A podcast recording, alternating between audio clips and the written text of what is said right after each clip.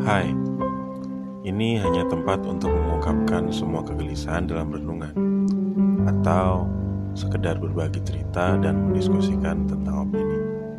Selamat datang di podcast In dengan saya Randy. Mari berbincang.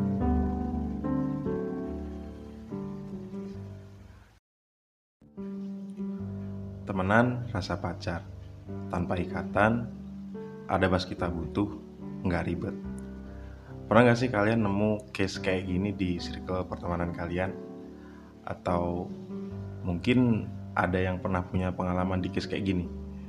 Nyaman banget sama teman lawan jenis, sering deep talk sama dia, setiap ada masalah atau sekedar cerita, dia pasti nyari kalian. Uh, sampai urusan seks pun dia butuh kehadiran kalian. Tapi ketika ditanya hubungan kalian sedekat apa, dia cuma jawab kita cuma teman. Eits, kalau kalian tahu dia lagi bawa kamu ke friend with benefit. Balik lagi sama saya Randy di podcast In Diskusi Opini.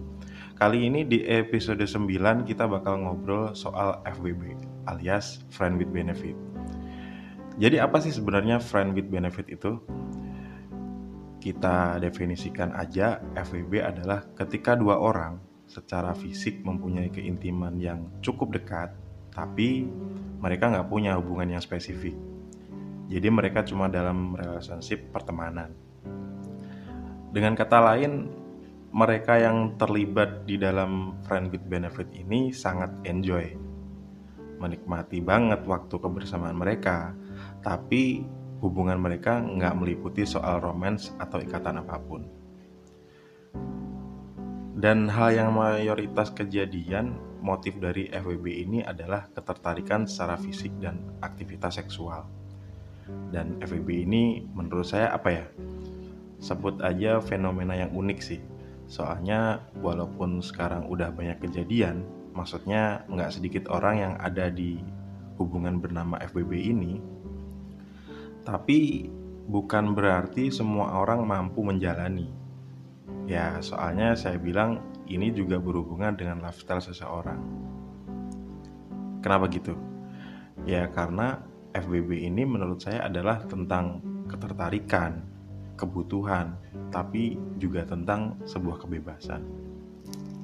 Coba bayangin, lo punya temen deket, deket banget, terus sering bareng, sampai lo pernah tidur sama dia, terus dia bilang, tapi kita tetap temenan aja ya, biar nggak ada kata putus biar awet.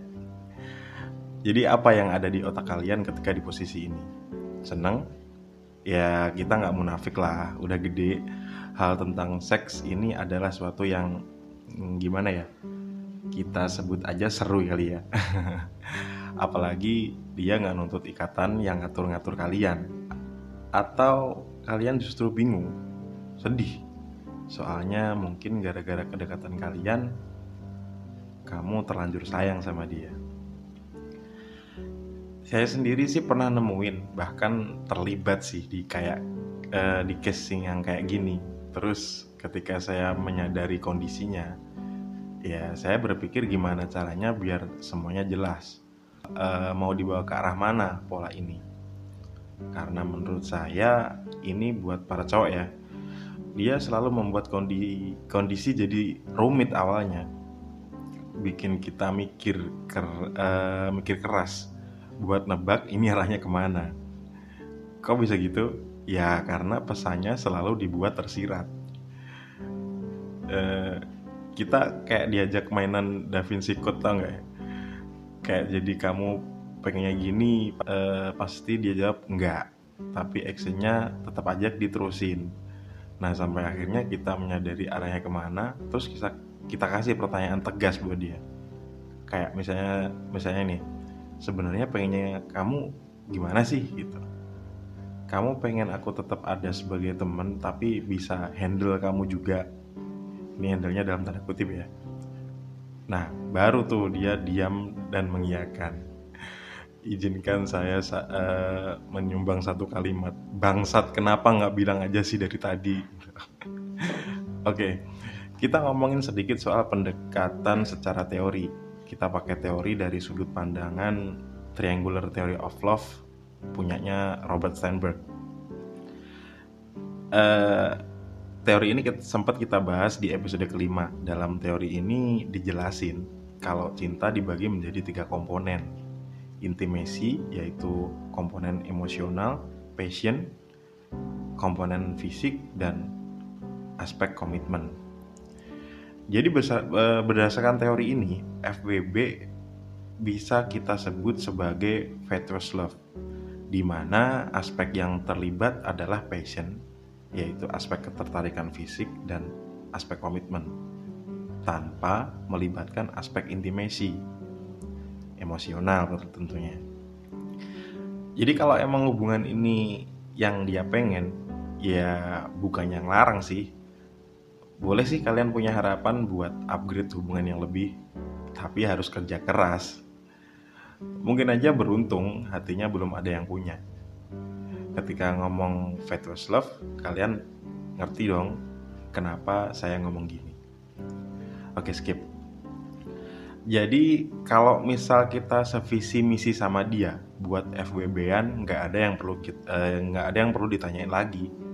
Yang jadi pertanyaan bakal gimana kita kalau udah terlanjur sayang lebih dari sekedar temen sama dia.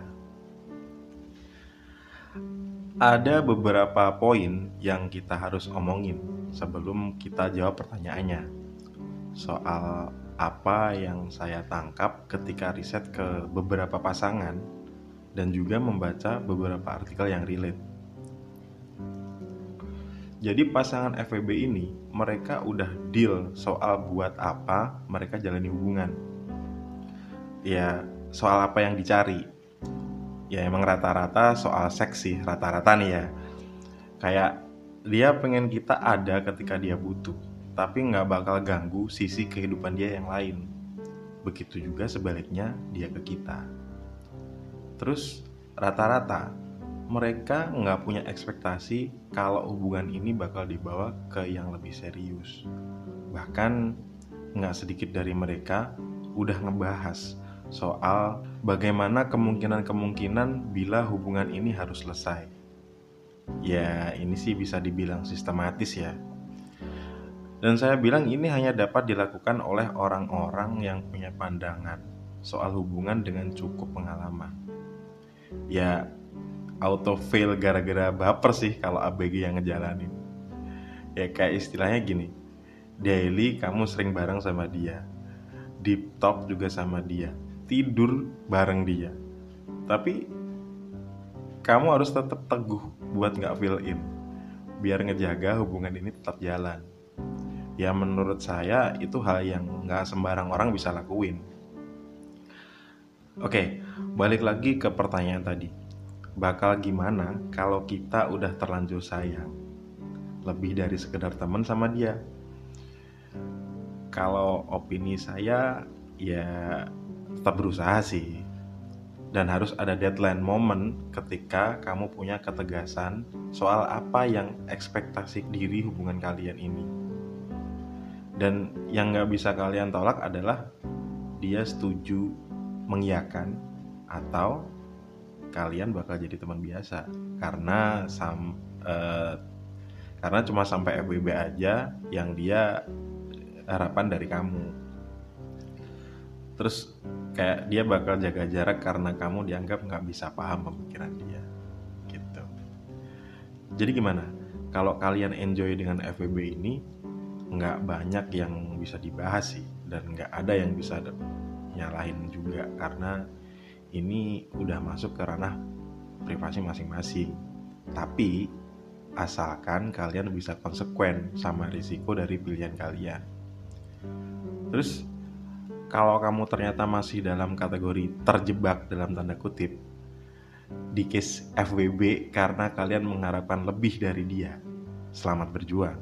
Tapi ingat, harus ada ujungnya. Ada sebuah ketegasan dan kerelaan kalau misalkan yang terjadi nggak sesuai ekspektasi kalian. Karena cinta bakal bisa menyayat kita lebih dari pedang, tapi bisa juga bikin dunia kita cerah walaupun saat senja. kalau kita taruh logika di dalamnya.